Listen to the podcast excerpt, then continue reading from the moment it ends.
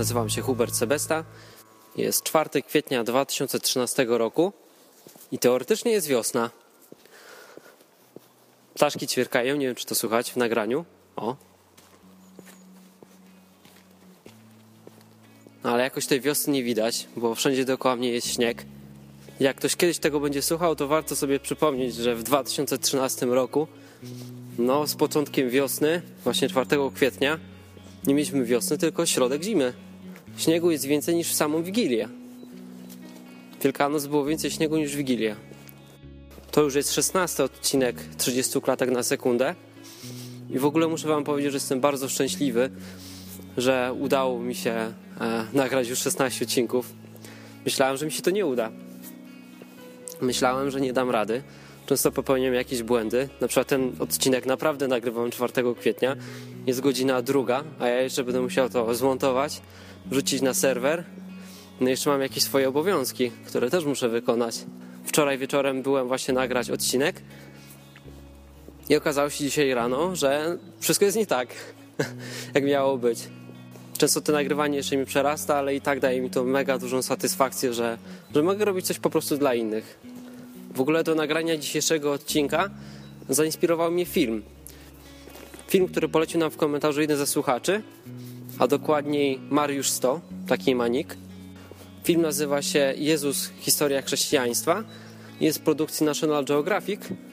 Jak na produkcję National Geographic jest wyjątkowo dobry. Film opowiada o początkach chrześcijaństwa w pierwszych trzech wiekach. O tym, jak się ten kościół właśnie rozwijał, jak wyglądał. I mówiąc tutaj kościół, nie mam na myśli kościoła jako instytucji, chodzi mi o stricte definicję biblijną, czyli kościół, czyli ludzie. Ludzie, którzy wierzą w Jezusa, bo tym jest dla mnie kościół. Jak będę mówił dzisiaj kościół, to właśnie o to mi chodzi. Pierwszy kościół wyglądał zupełnie inaczej niż to, co mamy dzisiaj. I tak samo jest przedstawiony w tym filmie. Właśnie ludzie spotykali się po domach, rozmawiali o Bogu, łamali się chlebem, pili wino, nie byli zrzeszeni pod żadnym szyldem. Jedyne, co ich łączyło, to wspólna wiara. Warto też powiedzieć, dlaczego ten film mi się tak spodobał.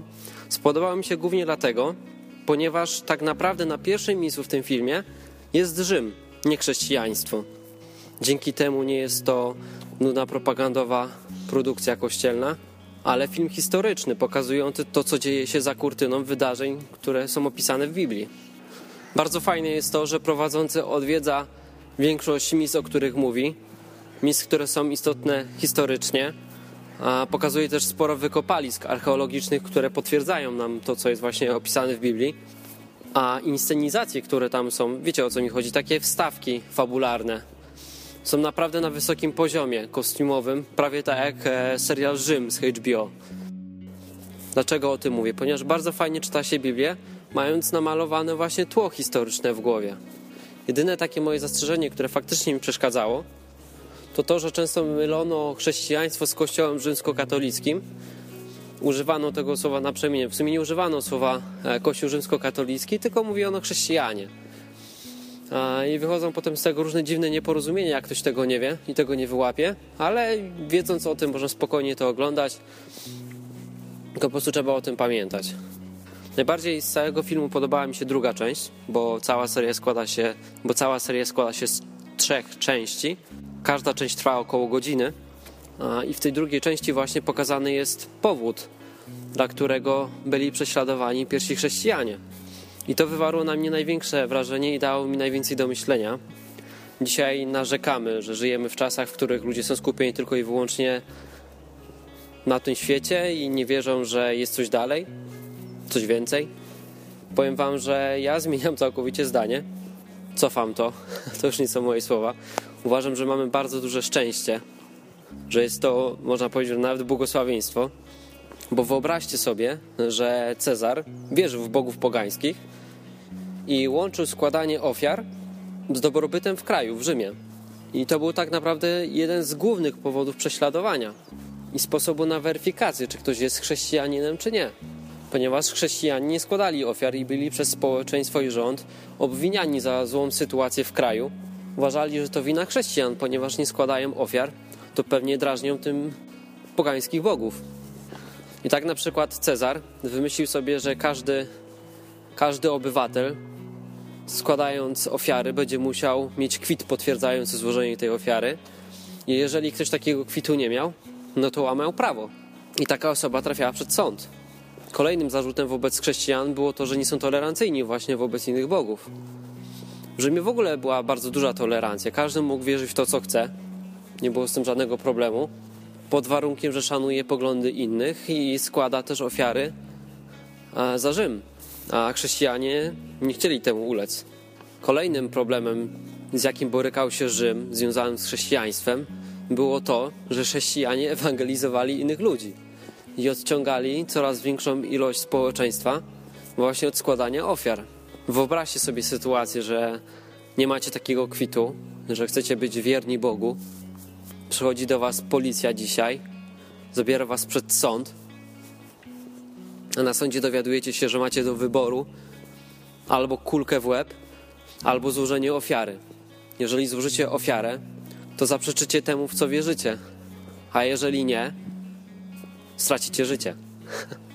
I ci pierwsi chrześcijanie wyżej cenili to, w co wierzą, od swojego życia. Niesamowite. Nie wiem, czy gdybym stanął przed taką sytuacją dzisiaj, czy też miałbym na tyle odwagi i jaj, żeby, żeby się nie zaprzeć. Kościół w początkowym okresie w ogóle miał najbardziej chyba przerąbane, a jednocześnie najbardziej też rósł w siłę. Chrześcijaństwo można w sumie porównać do wirusa. Im bardziej się je tępi, im bardziej używa się antybiotyków, tym bardziej ono się odparnia i staje się mocniejsze.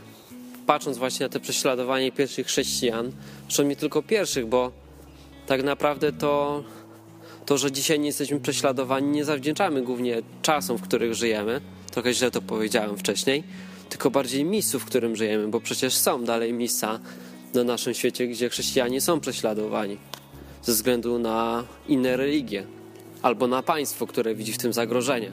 Ponieważ chrześcijaństwo od zawsze było antypaństwowe, było bardzo buntownicze. I tak na przykład mamy na odwyku nowy blog. Blog, który będzie właśnie opowiadał o prześladowaniach. Blog, który będzie właśnie opowiadał o prześladowaniu chrześcijan. Podobno wpis będzie się ukazywał co tydzień w środę, więc ja już się nie mogę doczekać. Dzięki prześladowaniom widać też, jakie Bóg ma podejście do naszego ziemskiego życia. I to, co teraz powiem, pewnie wyda się wielu ludziom kontrowersyjne, ale jest prawdziwe, ponieważ można to zweryfikować za pomocą historii. Czy komuś się to podoba, czy nie. Fakty są takie, że nasze ziemskie życie dla Boga nie ma zbyt dużego znaczenia. Kilka przykładów na poparcie tego, co mówię. Zacznijmy od Starego Testamentu. I na przykład takiego Mojżesza. Mojżesz na początku za to, że zabił jednego z Egipcjan, musiał uciekać z Egiptu i 40 lat żył na jakimś zadupiu u teścia. Potem Bóg go powołał do tego, żeby wyprowadził Żydów z Egiptu i potem z tymi Żydami musiał się tułać 40 lat po pustyni. Ostatecznie nawet nie wszedł do ziemi obiecanej. Zobaczył ją tylko z góry. Czyli całe jego życie praktycznie polegało na tym, że albo na coś czekał, albo musiał się z kimś użerać. Kolejny bohater biblijny, Józef. Józef, ten, którego rodzeństwo wrzuciło do studni, a potem sprzedało handlarzom niewolników. Józef na początku stał się niewolnikiem, tylko po to, żeby później trafić do więzienia, gdzie też spędził trochę czasu, ale ostatecznie stał się nadzorcą Egiptu. Nowy Testament i Szczepan, który zostaje ukamieniowany. Ginie podobnie jak cała reszta apostołów. No prawie wszyscy zginęli męczeńską śmiercią. I na pierwszy rzut oka można powiedzieć, what the fuck, o co tu chodzi? Czy Bóg nie lubi swoich ludzi? Dlaczego? Dlaczego tak z nimi postępuje? Ale tak to wygląda tylko i wyłącznie z naszego ludzkiego punktu widzenia. Opowiem wam krótko historię z mojego życia, żeby to troszeczkę lepiej zobrazować. Jak się nawróciłem, bo uwierzyłem, że to, co jest napisane w Biblii, to prawda. Spora w tym zasługa Martina. Ale książka to dla mnie za mało. Jak niewierny Tomasz potrzebowałem dowodu, że to prawda. Takiego potwierdzenia w XXI wieku, e, jakiegoś namacalnego dowodu. I przeczytałem w Nowym Testamencie, że jest coś takiego jak chrzest w Duchu Świętym.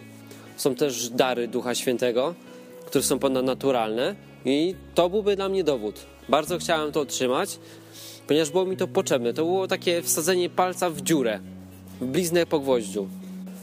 Pamiętam, że prosiłem Boga, trochę to trwało, ale otrzymałem to, co prosiłem. Przemówiłem językiem, którego nigdy w życiu się nie uczyłem. Wiem, że było to ponadnaturalne i też wiem, dlaczego ten dar jest nazwany, że jest dla osoby, która go otrzymuje, a nie dla innych. Jest to chyba jedyny taki dar, ponieważ on utwierdza. On utwierdza i pokazuje, że to, co, i pokazuje, że to, w co wierzysz, jest prawdą, jest namacalne. Że ten Jezus, który żył 2000 lat temu, dzisiaj w Jego imieniu może coś poprosić, to otrzymasz. Coś, co nie jest z tego świata.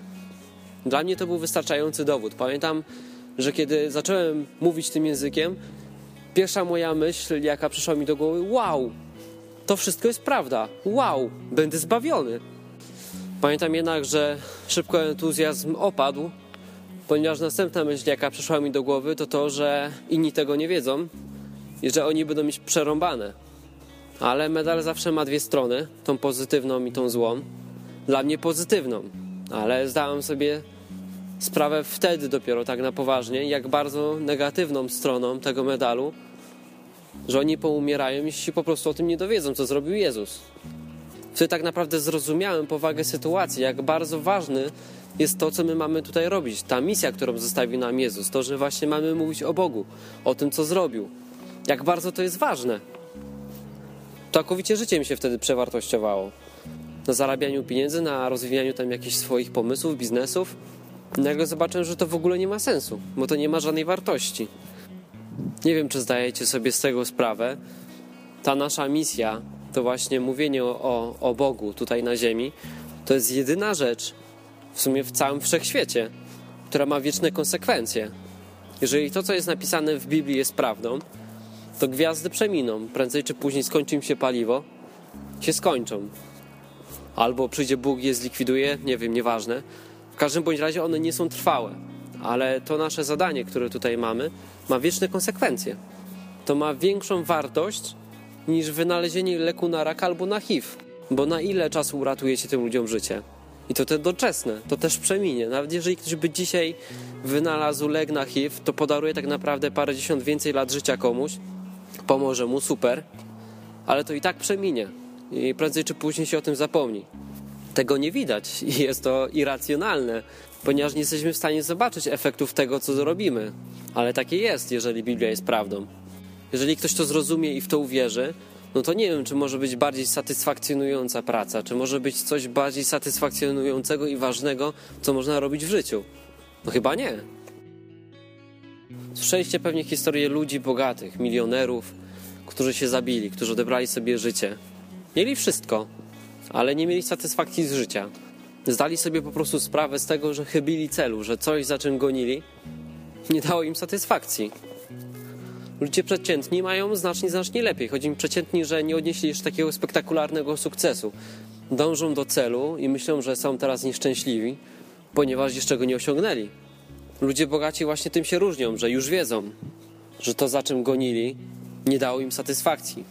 Po prostu żyje im się wygodnie, życie im się nie tnie, ale są rozczarowani finiszem. Co dalej? Życzę każdemu z Was zakosztowania takiego rozczarowania. Ja je przeżyłem. Miałem taki okres, kiedy mogłem mieć to, co chciałem, i zobaczyłem, że nie daje to nic, że daje jedynie normalność i brak stresu, wolność, ale nie satysfakcję. To dalej uważam, że jest bardzo fajny stan, kiedy nie musimy się przejmować tym, co będzie jutro. Możemy robić to, co chcemy. Kiedyś w pierwszym odcinku dałem taki przykład z komputerem, że dobry komputer, właśnie taki drogi, może odpalić każdą grę, ale ta gra nie będzie w żaden sposób e, lepiej smakować. Będziesz sobie po prostu grał, mając 30 klatek na sekundę, ale nic ponadto. Nie dochodzi żadna nowa funkcjonalność, żadna nowa satysfakcja. I to, co mówię, jest e, bardzo biblijne, ponieważ apostoł Paweł mówił podobnie. On wiedział, że życie nie ma znaczenia i mówił, że śmierć to jedynie zysk dla niego. Dlatego właśnie pierwsi chrześcijanie z taką łatwością poświęcali swoje życie w imię czegoś, co jest przecież większe od ich doczesnego życia, bo czym ono było w porównaniu z tym, co oferował im Bóg w zamian. Jezus w Nowym Testamencie powiedział takie słowa: Kto straci swoje życie, zyska je, to będzie chciał zachować swoje życie, ten je straci. I to właśnie pokazuje rozumowanie Boga i rozumowanie też pierwszych chrześcijan, rozumowanie, które powinniśmy mieć my, że te życie nasze tutaj nie ma za dużej wartości. No bo zastanówmy się, czym jest to nasze życie na przestrzeni wieczności. Ja teraz mam 26 lat, załóżmy, że pożyję jeszcze z 50, jak dobrze pójdzie, jak, jak coś mi się nie stanie po drodze. I teraz pytanie, co ja zrobię z tym czasem? Bo tutaj nie chodzi o to, że kto straci swoje życie, ten nie zyska, że, że mamy zginąć za to, w co wierzymy. No może tak będzie, oby nie ale bardziej też chodzi o to, w jaki sposób wykorzystamy to życie. Czy poświęcimy je na gromadzenie sobie skarbów tutaj, czy na coś, co jest dużo, dużo bardziej ważne. Bo dla Boga przecież nic nie możemy zrobić. No bo co zrobimy? Możemy ewentualnie pomóc innym ludziom, którzy nie wiedzą nic o Bogu. Więc to, co na pierwszy rzut oka ludziom wydaje się e, brakiem zainteresowania ze strony Boga swoimi ludźmi, jest zakrzywione. Dlaczego? Dlatego, że po prostu Bóg ma zupełnie inne podejście do życia. Że życie, że nasza śmierć tutaj to tylko zysk dla nas. Że przechodzimy do świata, który jest znacznie, znacznie lepszy. Okej, okay. pyk, umarł. No i co z tego? To my, ludzie, poprzez nasze wychowanie, poprzez media, mamy taki obraz, że życie jest najwyższą wartością. Ale nie dla Boga. I stąd właśnie taki błędny, zakrzywiony obraz, że jak to Bóg się nami interesuje? Interesuje się, tylko, że życie nie jest dla niego najważniejsze. Nie to życie. I w momencie, kiedy się to zrozumie, moim momentem takim przełomowym właśnie w zrozumieniu tego faktu był właśnie chrzest w Duchu Świętym i otrzymanie tego daru języków, bo to mnie potwierdziło. Utwierdziło mnie w tym, że w to, w co wierzę, jest naprawdę namacalne i prawdziwe. Ja tego potrzebowałem. Może inni tego nie potrzebują. Ja po prostu jestem taki kiepski, że potrzebowałem namacalnego dowodu. I od tamtej chwili wiem, że moje życie no, nie ma zbyt dużej wartości. Jasne, no dalej tutaj żyję. A często natrafiam na jakieś problemy. Można to troszeczkę przyrównać do tego takiego ziarenka z przypowieści o siewcy, które pada na żyzną glebę, wyrasta jej korzeń, jest takie trwałe, wytrzymałe, rośnie sobie, no ale dookoła niego rosną chwasty, czy tam ciernie i przyduszają troszeczkę tą roślinkę. Czasami tak jest w naszym życiu właśnie, że te sprawy życia doczesnego, no bo przecież dalej tu żyjemy, nas troszeczkę przyciskają zaczynamy się skupiać na tym, co no, nie jest najbardziej istotne. Trzeba bardzo uważać na to, żeby temu nie ulec i skupić się na głównym celu, czyli na tym, żeby dać innym ludziom szansę usłyszenia o Bogu, o tym, co zrobił, a, i oni już sami dokonają wyboru, ale trzeba dać im szansę. Jeżeli chcemy już działać, to nie będę Sherlockiem Holmesem, jeżeli powiem, że dużo łatwiej działa się w grupie, w grupie, która ma ten sam cel, w grupie, która ma te same ideały. I taką grupą w Biblii jest nazwany właśnie Kościół, czyli ludzie, którzy wierzą w to samo i ludzie, którzy mają ten sam cel. Widać, jak bardzo ważną rolę od samego początku w życiu chrześcijan odgrywały wspólne spotkania. I zacząłem się zastanawiać, czy dzisiaj jest tak samo. I uważam, że tak, że taki właśnie kościół biblijny jest bardzo ważny dla współczesnego chrześcijanina również. Dlaczego? No przede wszystkim można się spotkać z innymi ludźmi, pogadać, wymienić się swoimi sposobami myślenia i wyrobić sobie własne zdanie na różne tematy. Troszeczkę to przypomina taką ekipę doktora House'a. Nie wiem, czy pamiętacie, e, w tym serialu Doktor House House miał ekipę, e, która miała nawet podrzucać głupie pomysły. Ale te głupie pomysły są bodźcem do tego, żeby samemu zacząć myśleć. Więc nie ma niczego złego w tym, że ludzie się mylą i szukają prawidłowych odpowiedzi. Po prostu trzeba rzucać te głupie nawet pomysły, no i je weryfikować i znaleźć ten i szukać prawdy. Kolejna bardzo ważna rzecz, no to dary duchowe. Ostatnio zresztą Martin robił na ten temat odcinek, robił przegląd darów duchowych, a te dary działają przede wszystkim w grupach. I w momencie, kiedy nie mamy tej takiej swojej grupki, no to nie mamy też szansy przeważnie na skorzystanie z tych darów. Każda osoba, która tworzy taką grupkę, ma jakieś swoje zadanie. Jeden jest nauczycielem, nie umie coś dobrze wytłumaczyć. Jeszcze inny może mieć dar prorokowania, albo znajdzie się ktoś, kto ma dar uzdrawiania i wszystko działa. Jak dobrze naoliwiona maszyna. Następna rzecz, wsparcie. To jest jedna z rzeczy, której bardzo nie lubię w tych takich kościołach z szyldem czyli jakieś takie formalne kościoły przeważnie właśnie mają taką tendencję, że ludzie sobie nie pomagają. W takich małych grupkach, w takich kościołach domowych ludzie się znają, starają sobie wzajemnie pomóc. Jeśli ktoś mówi o swoim problemie, to nie jest anonimowym towarzyszem z ławki obok, tylko jest przyjacielem. jest jak członek rodziny i stara się mu pomóc. Nie mówi się, pomodlę się za twój problem, tylko owszem, można się pomodlić za ten problem, ale trzeba też pomóc. Przynajmniej postarać się w miarę możliwości. Na tym polega Kościół, na wzajemnym wspieraniu się. I chyba najważniejsza rzecz już na koniec, którą sobie wypisałem, to wspólne działanie. No bo jeżeli mamy ten wspólny cel, to możemy wspólnie działać. Jedna osoba na przykład może być dobra w organizowaniu, inna jeszcze e, może mieć więcej kasy i może takie działanie wspierać. Ktoś jeszcze inny może się okazać, że ma doświadczenie, już coś takiego robił. A to jest bardzo ważne w dzisiejszych czasach, kiedy ludzie mówią, że znają Boga. Tak im się wydaje, że znają, ponieważ poznali go dzięki Kościołowi katolickiemu i kojarzą Boga przede wszystkim z religią i nie chcą mieć z tym nic wspólnego i wcale ja im się nie dziwię. No i takie gadanie o Bogu jest mało skuteczne. Podobno jest gdzieś w internecie jakaś taka grupa ludzi, którzy przychodzą słuchać o Bogu po ludzku i co wtorek dzwonią do jakiegoś programu i sobie gadają, ale oni są nienormalni, więc oni nie są dobrym przykładem. To jest tylko wyjątek potwierdzający regułę, że większość ludzi no nie chce słuchać o Bogu. I dlatego powinniśmy działać w inny sposób. Powinniśmy przestać gadać o tym Bogu, bo to nie jest skuteczne, a przecież też troszeczkę o skuteczność tutaj chodzi. No bo jeżeli już coś robimy, to warto, żeby było to skuteczne. To ja jestem właśnie za tym, żeby działać, żeby komuś pomóc bezinteresownie, żeby on zgupiał. Ja ostatnio mam takie sytuacje właśnie, że komuś pomagamy, robimy coś i on głupieje. I on nie wie dlaczego. I on nie rozumie, bo to w ogóle mu się nie zgadza z jego światopoglądem. Jak ktoś może robić coś za darmo i nic nie chcieć. I wtedy jest właśnie idealna okazja do tego, żeby właśnie mówić dlaczego. I wtedy ludzie właśnie chcą słuchać. Jesteście autentyczni w tym, co mówicie, ponieważ potwierdzacie to swoimi czynami. Nie, jest to, nie są to puste słowa. Ten człowiek widzi, że wy naprawdę w to wierzycie i to jest autentyczne. Nie mówię tego po to, żeby się chwalić, tylko żeby pokazać, no, że jest coś fajnego, skutecznego i może warto to po prostu skopiować i, i zobaczyć, jak duże efekty to daje. Bo jest to fajne. No i kończąc tą dygresję, tak właśnie widzę idealny kościół, taki kościół domowy, taką grupkę, która się spotyka, która się zna, która ma wspólny cel. A podobne, tylko mniej regularne są właśnie odwykampy. Tam też ludzie się spotykają, rozmawiają o Bogu, może nie mają okazji do jakiegoś wspólnego działania, no bo spotykają się za rzadko. Jest to raz w roku, ale jest to idealny przykład takiego prawdziwego kościoła. Ja tam widzę prawdziwy kościół. Dla mnie odwyk camp to właśnie jest spotkanie prawdziwego takiego biblijnego kościoła. I przyszedł mi do głowy taki pomysł, że właśnie stworzyć taką interaktywną mapkę grupek, które spotykają się w Polsce i żeby każdy mógł myśleć pineskę z e, miejscem, w którym się spotykacie. No i żeby inni mieli szansę się do Was dołączyć, bo inni też tego potrzebują.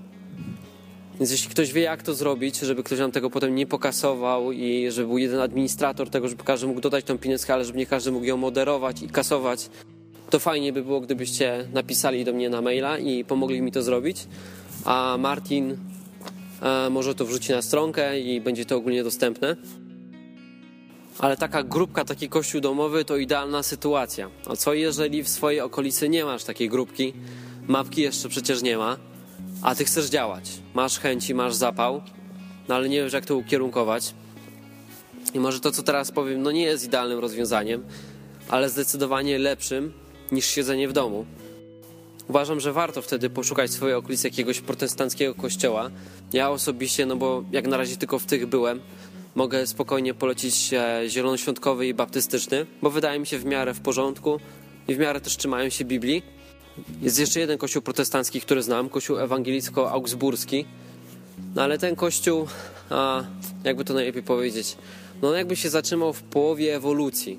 To jest coś takiego między kościołem katolickim a protestanckim, no. I to wygląda tak jakby tak jakby właśnie się zatrzymał w połowie drogi. To jest chyba najlepsze określenie, więc ten bym odradził. A dlaczego w ogóle nie polecam kościoła katolickiego? No, tutaj najlepiej odnieść się do odcinka sprzed kilku tygodni, który nazywał się Czym wiara nie jest.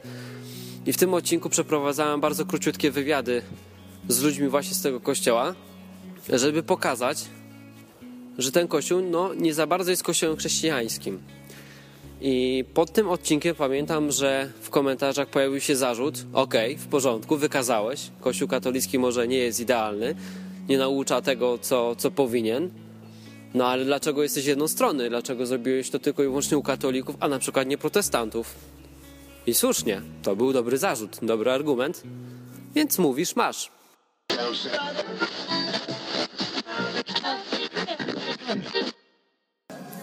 Cześć, czy możesz mi powiedzieć, jakie są warunki zbawienia?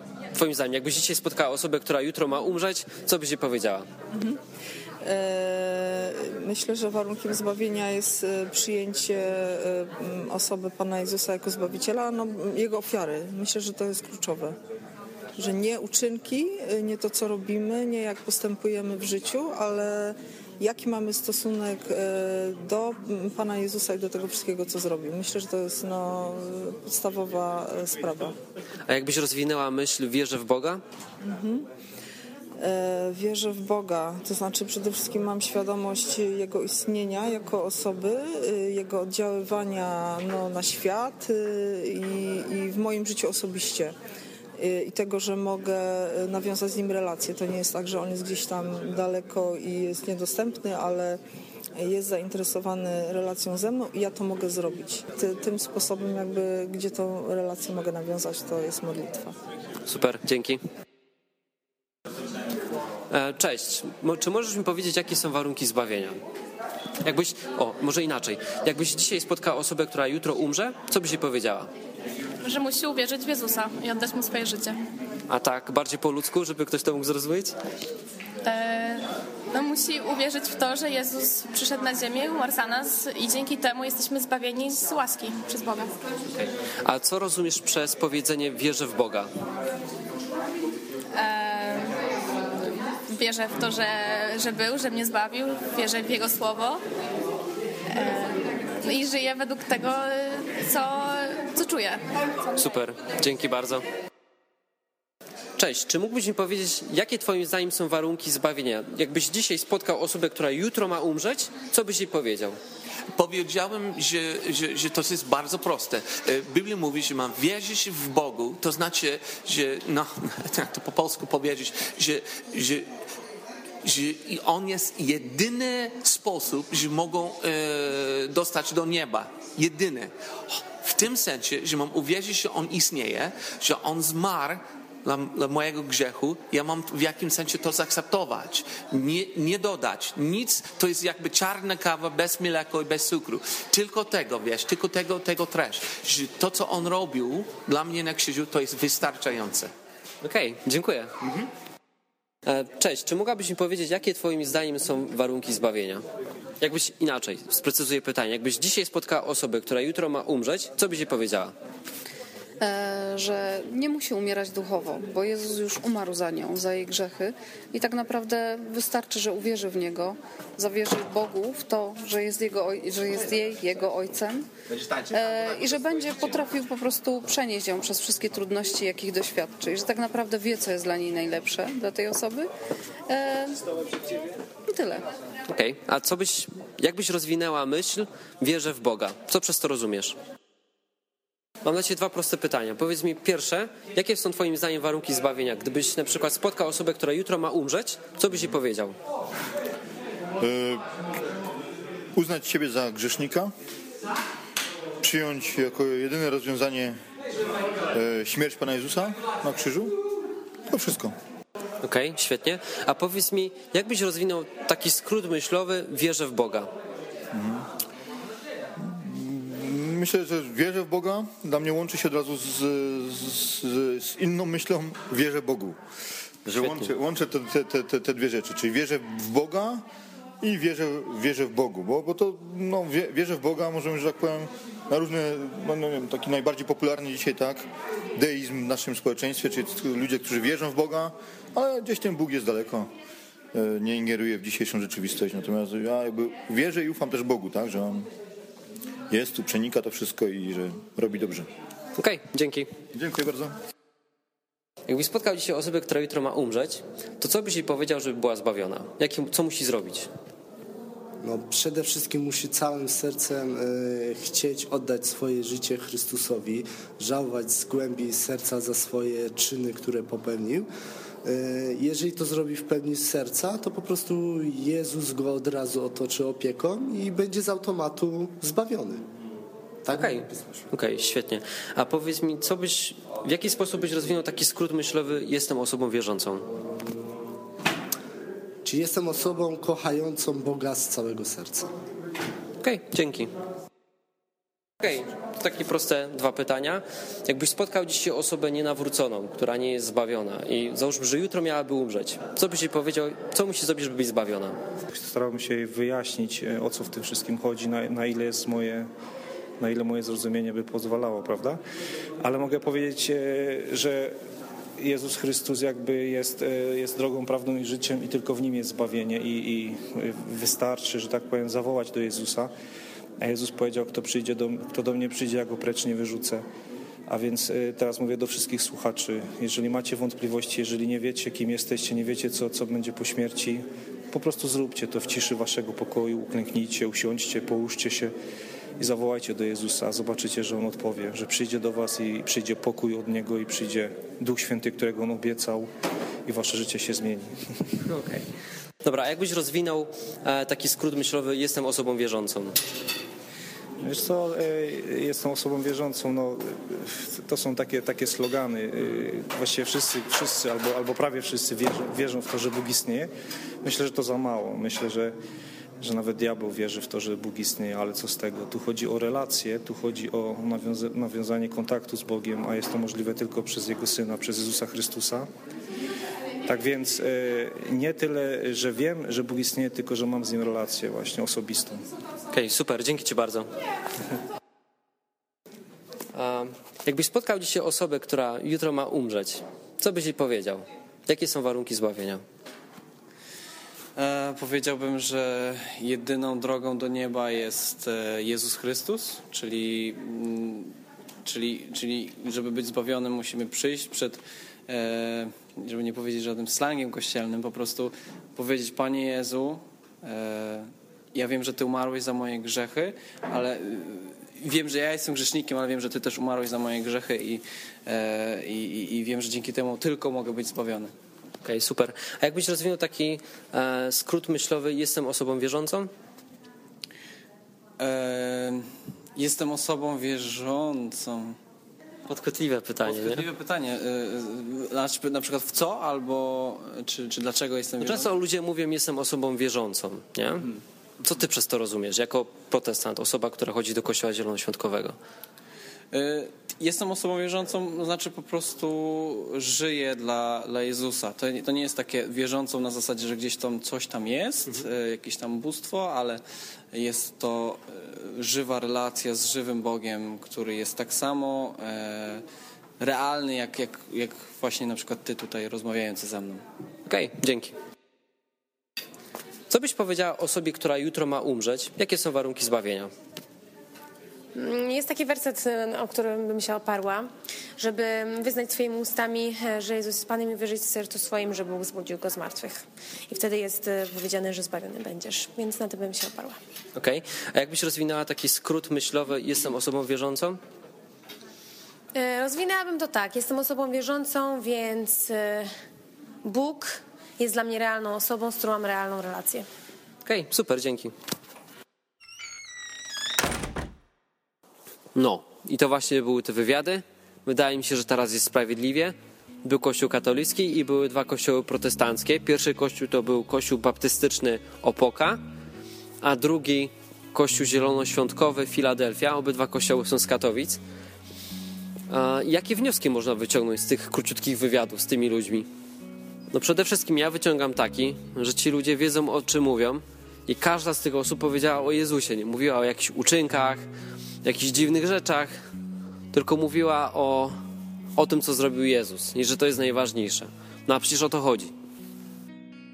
Ktoś może powiedzieć, że się czepiam, ale ja uważam, że to jest naprawdę bardzo ważne. Podam przykład.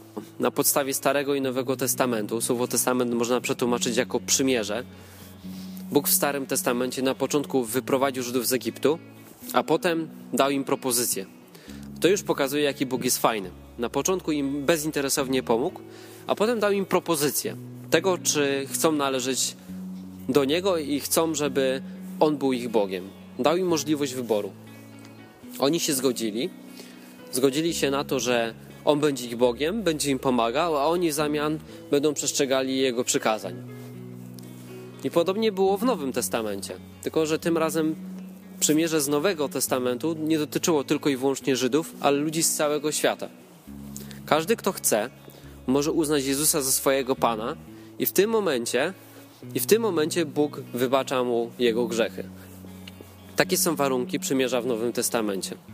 Odpowiedzcie mi na proste pytanie, jak można zawrzeć z kimś przymierze, czy tam umowę, traktat, nie znając warunków tego przymierza, tej umowy. Przecież przymierze w Starym i Nowym Testamencie było umową między dwiema stronami. Każda strona wiedziała, co ma robić i co w zamian otrzyma. Dlatego nie polecam Kościoła katolickiego i odradzam każdemu, ponieważ uważam go za coś bardziej szkodzącego niż pomagającego. Na dodatek, pomijając już sam fakt tego, że ludzie nie wiedzą, jakie są warunki tego nowego przymierza z Bogiem, to przymierze, które przedstawia Kościół katolicki, jest zupełnie inne niż to, które znamy z Biblii. W Biblii wystarczy tylko i wyłącznie uwierzyć w Jezusa i się jest zbawionym, a w Kościele katolickim trzeba wykonać jeszcze szereg czynności. Jedną z takich czynności jest na przykład chrzest. Nie można być zbawiony w Kościele katolickim, jeśli się nie jest ochrzczonym. Jest to oczywiście bzdura. Niech najlepszym potwierdzeniem tego, że jest to bzdura, niech będzie Łotr, który był na krzyżu obok Jezusa i któremu Jezus powiedział, że jeszcze dziś będziesz ze mną w raju. No przecież ten gościu nigdy nie był ochrzczony. Uwierzył w Jezusa na krzyżu. Przecież Bóg nie może stosować różnych zasad do różnych ludzi. Zasady są jedne, które ustalił. I wydaje mi się, że ten przykład właśnie z Biblii e, z tym łotrem nie znalazł się tam przez przypadek. On tam jest celowo, żeby pokazać, że wystarczy tylko i wyłącznie wiara w Jezusa i w to, co zrobił, żeby być zbawionym. Wydaje mi się, że Bóg umieścił to właśnie tam celowo, żeby nie było potem jakichś takich głupich pomysłów, że to jest takie potwierdzenie ostateczne, a Kościół katolicki wymyśla sobie jakieś dziwne rzeczy, już nie wspominając na przykład o czyśćcu, który już w ogóle miesza ludziom w głowie. I potem większość ludzi właśnie myśli, że trafi do czyśćca, że nie są aż tacy źli, są w sumie w porządku, bo nikogo nie zabijają, czasami tylko kłamią, oszukują. No ale tak ogólnie są okej, okay, nie? To pewnie trafią do czyśćca, tam, nie wiem, Bóg ich przypucuje i że trafią potem do nieba. Dlatego właśnie reaguję tak alergicznie na ten kościół i drażni mnie, no po prostu mnie denerwuje. Nie ludzie, którzy są w tym kościele, ja naprawdę nic do ludzi nie mam, tylko do nauki, jaką on głosi. Naprawdę, żeby ktoś teraz nie pomyślał, że ja mam coś do katolików. Do katolików to ja nic nie mam i bardzo ich lubię. Na przykład Ania, która była w jednym z odcinków. Ja ją bardzo lubię i fajnie mi się z nią gada, fajna dziewczyna. Denerwuje mnie ta nauka, którą ten kościół głosi, no. Och, aż nie mogę o tym mówić, bo to podnosi mi ciśnienie. No, ale wracając do tych kościołów protestanckich, trzeba pamiętać, że takie kościoły formalne mają swoje wady. Kilka z nich sobie wypisałem. Jest na przykład jeden lider. I to, że jest jeden lider, często prowadzi do złych rzeczy. Że ślepo go słuchają, no bo przecież on skończył teologię, to wie lepiej niż ja, taki zwykły zjadacz chleba. To jest bardzo niebezpieczne. Niebezpieczna jest także doktryna. Każdy taki kościół ma jakąś swoją doktrynę, naukę. I nawet jeżeli się w czymś myli, to bardzo ciężko mu się zmienić, ponieważ nie jest elastyczny, no bo jest instytucją. Te problemy biorą się przede wszystkim z lenistwa, z lenistwa ludzi, którzy chodzą do takiego kościoła.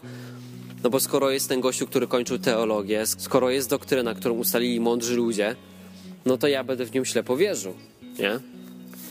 To jest bardzo niebezpieczne. Jest jeszcze jedna rzecz, która mi się bardzo nie podoba i której się bardzo boję, to konformizm i chodzenie na układy z państwem. Taki kościół zarejestrowany w państwie chodzi z państwem na układy. Zaczyna być od państwa zależny, dostaje na przykład jakieś dotacje, wsparcie od państwa, ale w zamian za to musi mu być posłuszny. Dokładnie to samo zabiło pierwszy kościół w IV wieku. No i chodząc właśnie na takie układy z państwem, powstało to, co dzisiaj nazywamy kościołem rzymskokatolickim. No a ja jak już powiedziałem, uważam, że no nie jest to za dobre i mi się nie podoba. Mm, niemniej jednak tak na koniec, a kończąc już ten odcinek, należy pamiętać, że te wszystkie kościoły to nie szyld, a ludzie. No bo przecież to ludzie tworzą kościół. Nieważne czy baptyści, czy zieloni, ważne, żeby byli to chrześcijanie i można było z nimi wspólnie działać i robić coś dobrego dla innych ludzi. No bo przecież o działanie w tym wszystkim chodzi, nie? No. Więc piszcie komentarze, pamiętajcie o mapce, jeśli ktoś ma jakieś pomysły, nikt mi napisze, jak to zrobić od strony technicznej. No i do usłyszenia za tydzień. Cześć!